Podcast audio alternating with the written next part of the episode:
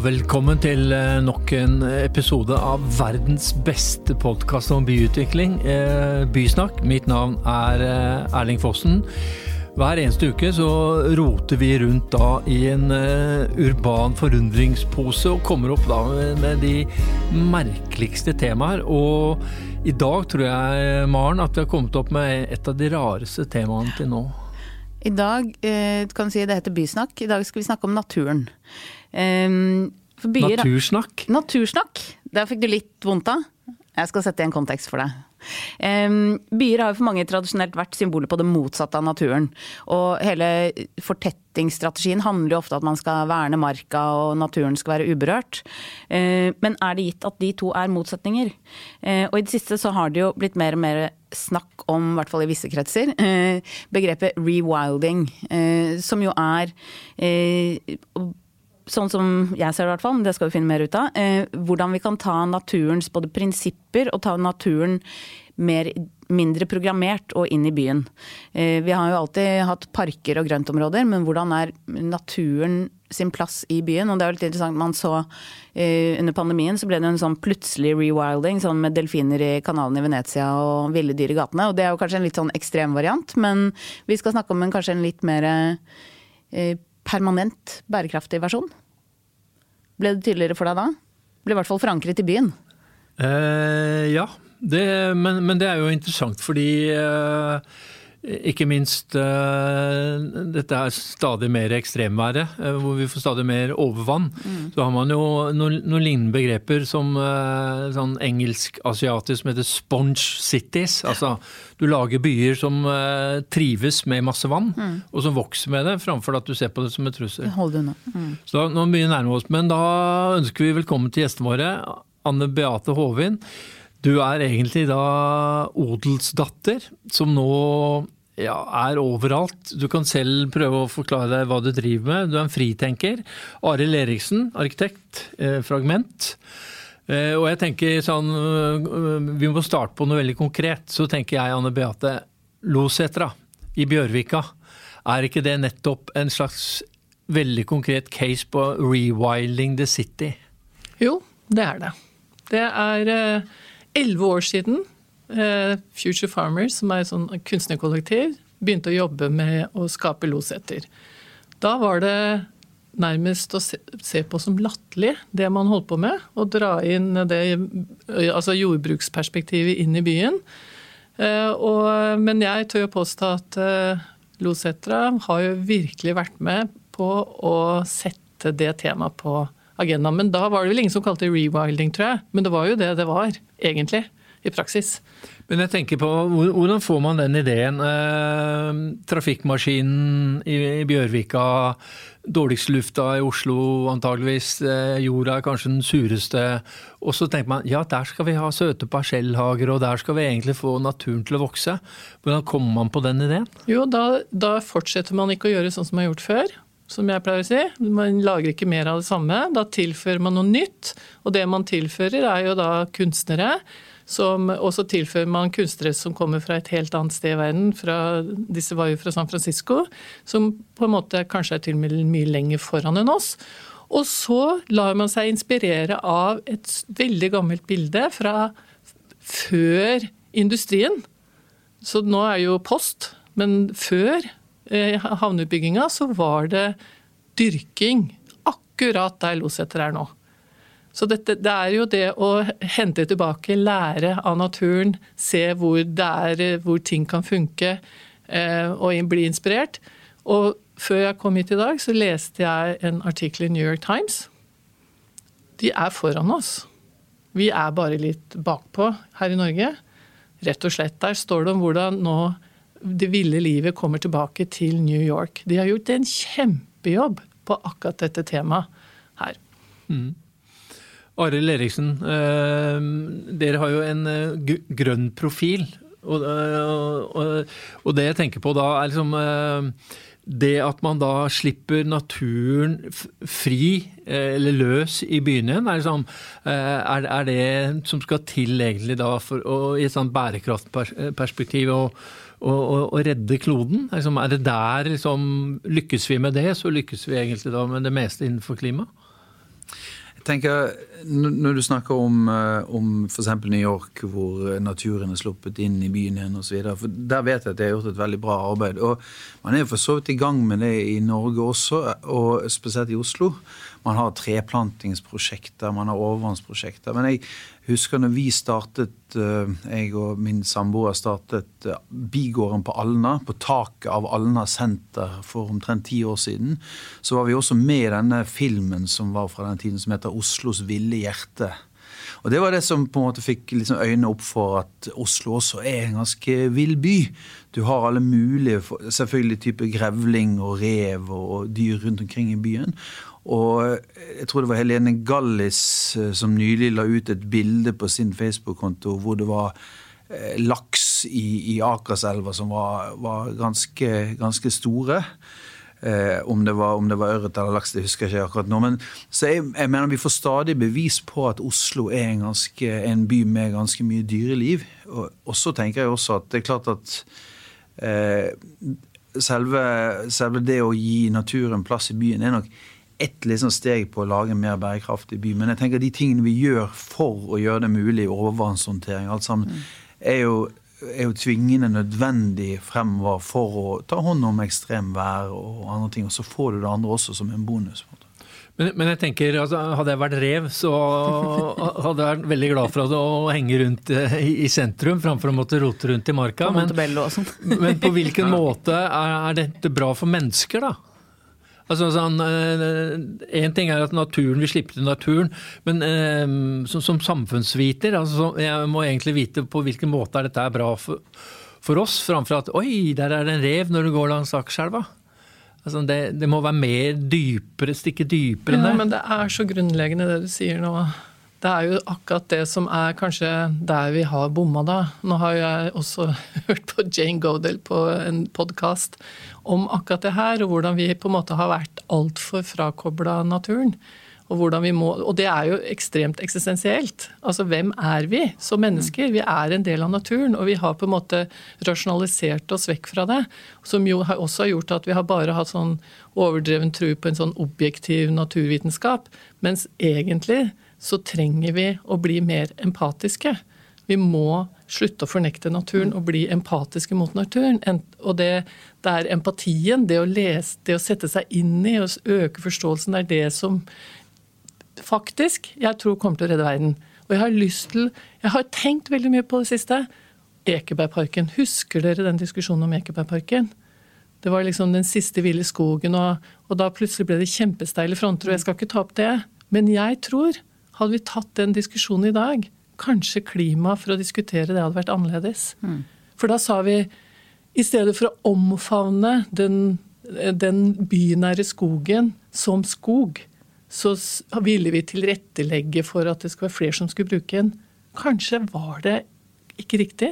Kanskje, Nå banner jeg skikkelig. Men Vil du si men, da at Ekebergparken eh, ikke ville blitt til i dag? Jeg tror vi hadde snakka om det på en annen måte. Ti år seinere.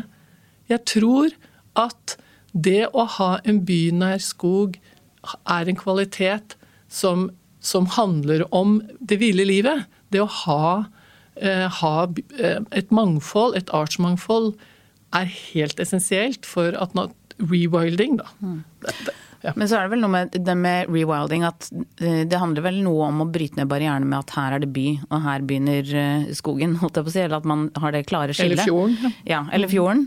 Eh, og at man integrerer det mer som en naturlig del av byen. At det ikke er enten-eller.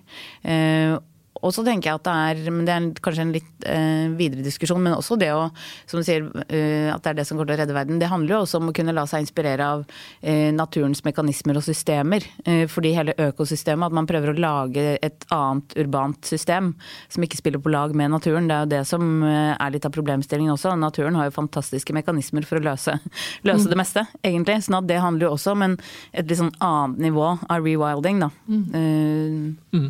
Men, men da Arild, altså, som arkitekt, altså, vi, som mennesker vi har jo kultivert naturen i byen.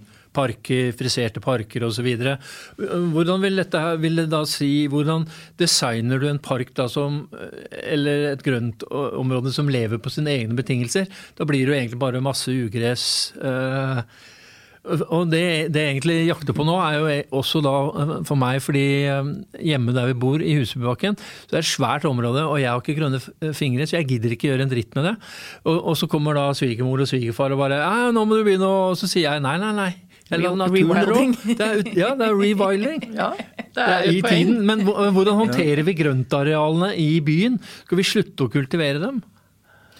Nei, men det, det, jeg tror, Vi må iallfall få til en større variasjon. Det, det er iallfall det man ser når vi snakker om å etablere grøntkorridorer og, og knytte grøntområder i byen sammen, så handler det også om at man ikke bare planter ett og annet tre. Man planter en variasjon av busk og trær og, og lavere vekster for at ulike dyr og, og, og insekter og andre skal liksom bevege seg gjennom dette. Så, men, men, hvis vi bare skal snakke litt mer om dette her med hvilken verdi man får når man, når man på en måte rewilder byen, så er det Jeg har jo drevet dette som heter sanke. Som handler om urban sanking i byen. Eh, og når vi ser nå at Byrådet for eksempel, har lyst til å plante 100 000 trær, og veldig mange av disse trærne som de planter, er også frukttrær. Eh, så får du plutselig en by hvor det fins frukttrær over hele byen. Eh, man planter, man lager kanskje, I tillegg så kunne man laget gode strategier for hvordan man kanskje ikke klipper alle kantene alltid. At man lar noe stå osv. Så, videre. så kan man da finne nyttevekster også i byen. Jeg syns det er en, liksom en, bra kvalitet. Det handler om egentlig å styrke det urbane og gi det urbane mer, flere lag. på en. Når, når Espen eller de som driver, jobber nede på Maemo går ut og plukker booker i Sofienbergparken eller en annen park eh, det de skal bruke senere på dagen i en veldig urban restaurant med Michelin-stjerner, så syns jeg det gir byen en ekstra kvalitet. Og hvor mange lag man klarer å gi akkurat den type naturen, eh, og hvilken verdi man klarer å hente ut av den, det tror jeg bare fantasien som setter grenser. Mm. Men da tenker jeg på deg, Maren, som, eh, også som uh, utvikler. Mm. At hvis du skal da sette av ulike områder til uh, her skal naturen klare seg selv, eller rewilding. Mm. Altså, det går utover Excel-arket ditt, gjør ikke det? Nå er ikke jeg den utvikleren som er best på Excel, det er vel kanskje ikke en hemmelighet. Eh, men jeg tenker at det handler jo om eh, Det er jo et grensesnitt her. fordi F.eks. For det med urban dyrking, det har jo vi i flere av våre prosjekter. det er jo, det er jo Men det er også en form for kultivert eh, natur. Sånn at den grensen der mellom å si at her skal det vokse fritt altså Det er jo ikke noe mål at det skal være sånn at det bare ugresset vokser opp mellom asfalten der det ikke skal. Det er jo ikke den typen rewilding. så men det handler jo kanskje om at man i takhagene eller i utearealene man setter av, eh, tenker at her kan det være en litt annen type eh, natur enn en striglet park. Det er i hvert fall en start, da, eh, tenker jeg. Og så mener jeg at det er mye å hente for både arkitekter og utviklere i hvordan man planlegger, og i større grad la seg inspirere av, som du var inne på det med Sponge City, at man tenker at her er det naturens prinsipper som skal være med å inspirere oss. Mm. Men, men, jeg også tenker sånn historiske byer. Eh, er sånne, byene er jo sånne logistikkmaskiner. De skal bringe mennesket hurtigst mulig fra A til B med minst mulig friksjon. Men er det da siden at man er rewilding med på å innføre en sånn form for friksjon i byen? Fordi eh, jeg, Første gang jeg hørte om det temaet, så var det en Usman Haak fra London. Men det han snakket om også, han snakket også om en revilling eller rewiling av mennesket. Mm. Men da mente han ikke at du skulle begynne å gå med våpen og øks og sånn. Men, men, da snakket han om hvordan mennesker skal produsere byen sin. Mm. Og, og, de jobber da med interaktive fotgjengerfelt osv. som gjør at barn får lyst til å hoppe mm. fram og tilbake. Altså, så hvordan snakker vi også da om rewilding av menneskene? Mm. Altså, hvordan skal menneske, Er det sånn at nå skal vi droppe droppe å stå i rushen om morgenen, eh, droppe å stå i rushen eh, på ettermiddagen tilbake. Skal vi egentlig, Hvordan eh, ser da liksom dette mennesket ut i denne rewilda byen? da? Altså Det grunnleggende med, som, som når jeg begynte å jobbe med Losetra, den boka jeg leste, var 'The Denial of Nature' av Vetlesen, norsk filosof. Tjukk. Men essensen var at skal, skal barn Vi kommer til å bo i byen, de fleste av oss. Men da må vi faktisk utsette barn og den oppvoksende generasjonen og sjøl for å ta på jord. Altså den fysiske, den erfaringsbaserte kunnskapen. Det å føle for å forstå. Det er sånn du blir empatisk. Så jeg vil tilbake til empatien. Og jeg syns jo det er helt fantastisk det sankeprosjektet. Og så hørte på radioen i går at ramsløken nå er trua. Så vi, vi mennesker vi kan bare ikke ture frem. Vi må, vi må Empatien må være til stede. Så jeg tror jo jeg da at uh, rewildingen av mennesket kommer gjennom uh, gjennom å forstå og identifisere oss mye mer med naturens mekanismer, så tror jeg vi mm. lever annerledes. Men det handler jo litt om det å innordne seg litt mer eh, til naturens systemer ja. enn å bare ta den plassen som man historisk sett har gjort, og som jo skaper alle de problemene. At man bare ture fram. Og så er det jo litt tilbake til også den Vi, Man kommer hele tiden inn på den eh, folk flytter ut av byen, og byen er fæl, og barna skal ha hus og hage. ikke sant? Så, men hvis man kan gjøre litt det motsatte, at man kan få de kvalitetene inn i byen, så vil jo det også være en måte å fortsatt kunne fortette eh, og kunne ha den, eh, den natur, den naturbane kvalitetene inn i byen. Men det som jeg tror, vi er på en måte på vei veldig mange av de tingene vi snakker om, eh, enten det gjelder å få naturen inn i byen, eller vi liker veldig godt å snakke om den produktive byen. Det er at mm. man må tilrettelegge for produksjon av ulik slag. Mm. I byen så snakker vi om at man får til et større mangfold. At det er liksom mangfoldet man hele tiden er på jakt etter. Enten det handler om eh, det marine liv i sjøkanten, eller grøntkorridorer, eller få til et verksted eh, i Bjørvika, eller, eller liksom få tilbake båtbyggerne. Så er det på en måte dette her å få komme seg vekk fra den, der, den modernistbyen fra 30-tallet hvor alt var delt opp, og du kjørte bilen din mellom de forskjellige stedene.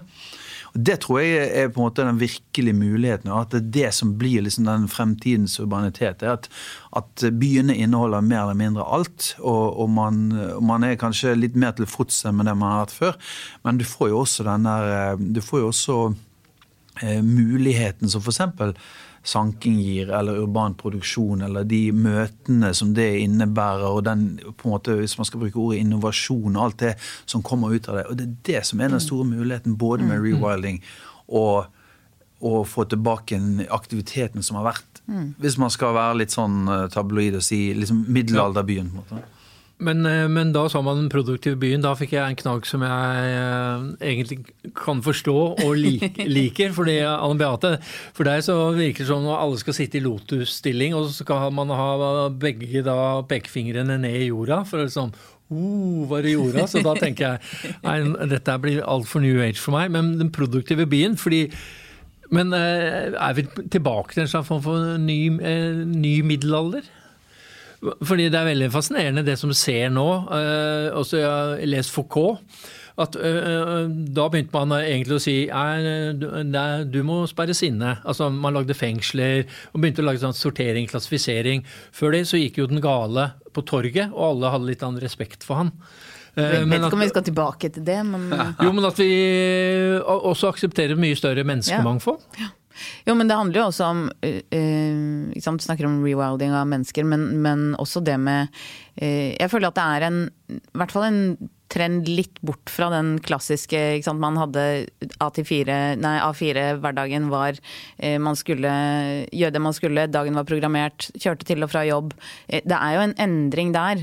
Så jeg tenker at Men så er det den der å supplere byen med de tingene som mangler, om det er natur, produksjon, uh, få til en større variasjon, uh, så vil jo det tilrettelegge også for et større mangfold av mennesker. Fordi nå er det litt sånn man har delt det veldig inn i soner, egentlig. Det er liksom Produksjonen skjer utenfor, kontorene er der, man bor der. Uh, så det er jo en ganske sånn historisk, men litt rigid måte å planlegge mm. byen på.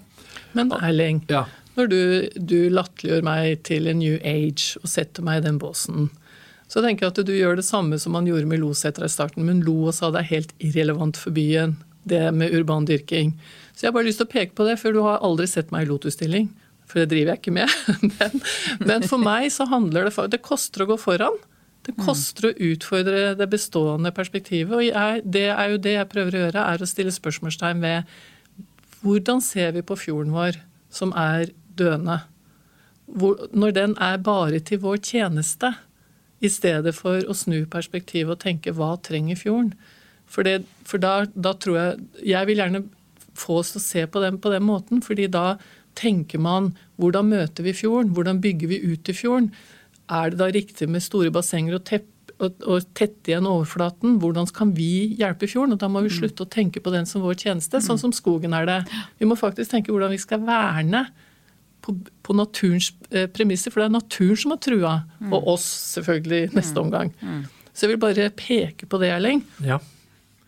Det er greit, men, men eh, vi roter oss veldig fort inn i en sånn tung filosofisk debatt. For det er jo sånn eh, var det temaet mitt. du, sånn Alle mine det. filosofer, Kant, Hegel, Aristoteles Altså sånn, Naturen er faktisk der for oss. Og jeg tenker også, Hvis jeg er politiker, og så er det sånn Ok, vi har en uh, sultkatastrofe her. Eh, skal vi da sørge for industrielt landbruk, eller skal vi da sørge for økologisk landbruk, som har da en tiendedel av avkastningen? Og da tenker jeg å, veldig enkelt. Hindre sult, industrielt landbruk. Ferdig snakka. Men det som er viktig når man tar de valgene, er at man ikke gjør ting som backfire etter hvert. Da. Ikke sant? Fordi hvis man løser alt uh, i en sånn nå løser det et problem, men hva, det er jo sånn man har jobbet hele tiden med energiforsyning, ikke sant? oljen. Det er på en måte en sånn akkurat nå. Eh, Så, så jeg tror man må endre litt mindset rundt det. Eh, Men er, er, mener du at det som skjer nå, er det en slags form for payback? Nei, men vet du, Det som skjer nå, det er en slags form for sånn type lokalbevegelse. og, og det, Når du sier det, så begynner man veldig blir fristet til å begynne å snakke om frihandel og alle mulige andre ting som sørger for den, de sultkatastrofene. Men det som jeg tror vi, som skjer nå, det er at, eh, at det skjer litt sånn som Hvis du tenker Barcelona, hun Ada Colau som var borgermester der, kanskje hun er det ennå. De hadde jo denne ambisjonen om at Barcelona skulle bli selvforsynt innen 2054. Eh, det er sant, en del år siden de, de begynte å jobbe med dette. og da, Det handler selvfølgelig om produksjon, det handler om dyrking, det handler om andre ting. og En veldig fin, sånn, litt sånn stort, eh, hårete mål der fremme.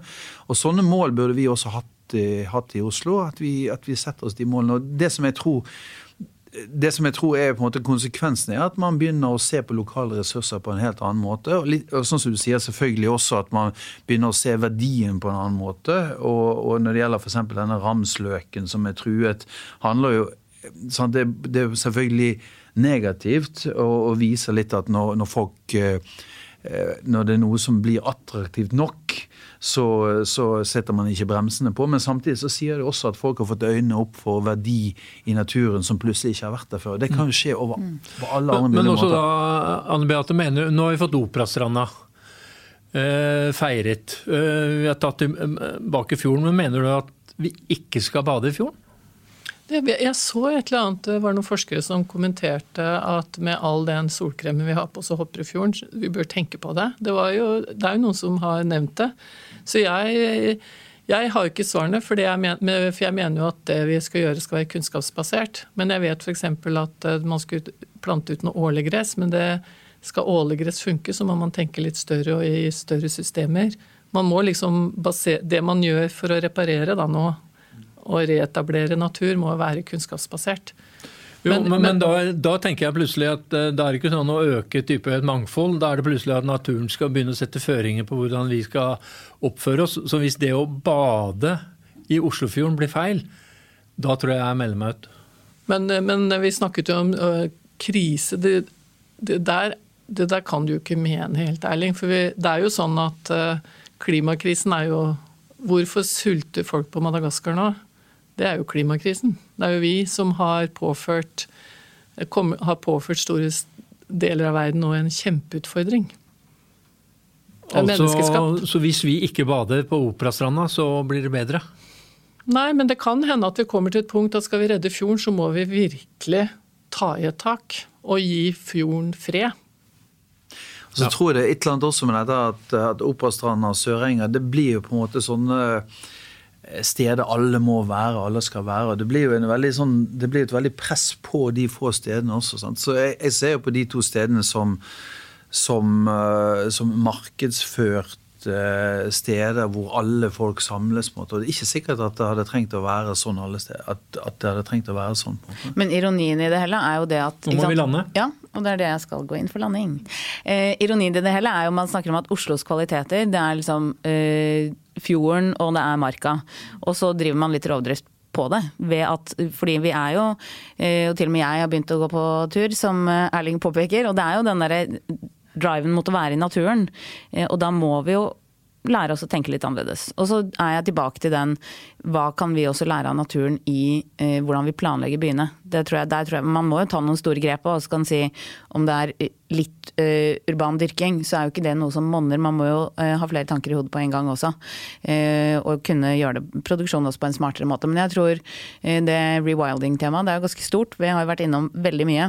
Ikke sant? Det er alt fra er det Bymiljøetaten skal få fri og det skal bare vokse og gro overalt, eller er det til Sponge City og hvordan vi planlegger. Så det er masse å ta tak i, men det berører jo egentlig litt alt vi driver med innenfor byutvikling. Mm. Da vil jeg si takk for at dere kom, Maria Anne Beate. Vi har jo kjent hverandre i 20 år, og fram til nå har du alltid fått rett. Så jeg regner jo med at du får rett denne gang òg. Jeg må bare Eh, tillate meg selv å, å, være litt opprørsk foreløpig, men uh, Men tenk at opprøret snudde den veien, Eiling. Det er det som er interessant. Ok. Der har vi fått noe å tenke på. Uh, men takk for at dere kom. Takk for at dere uh, hørte på. Og vi er tilbake da, før du aner det, med et enda mer revillersk tema. Takk for i dag.